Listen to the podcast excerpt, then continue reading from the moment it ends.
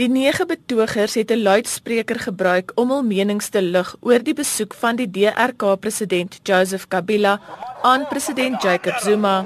You are a murderer. You will be arrested. Your time is over. Kabila, your time is over.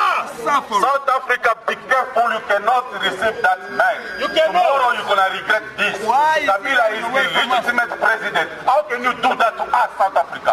Come on.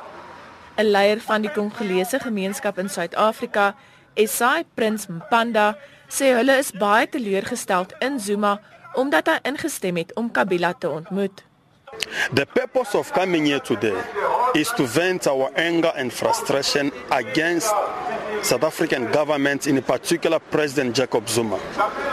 Jacob Zuma, by receiving that imposter, an illegal president today, it is a sign that is a, a partner in crime, is accomplice of what is happening in the DRC. Hy sê dit is hartseer dat Suid-Afrika vir Kabila as president erken wanneer soveel Kongolese onder hom ly. It's a betrayal against the people of Congo. Therefore, we are urging South Africa to be careful because what is happening tomorrow, they will pay for it.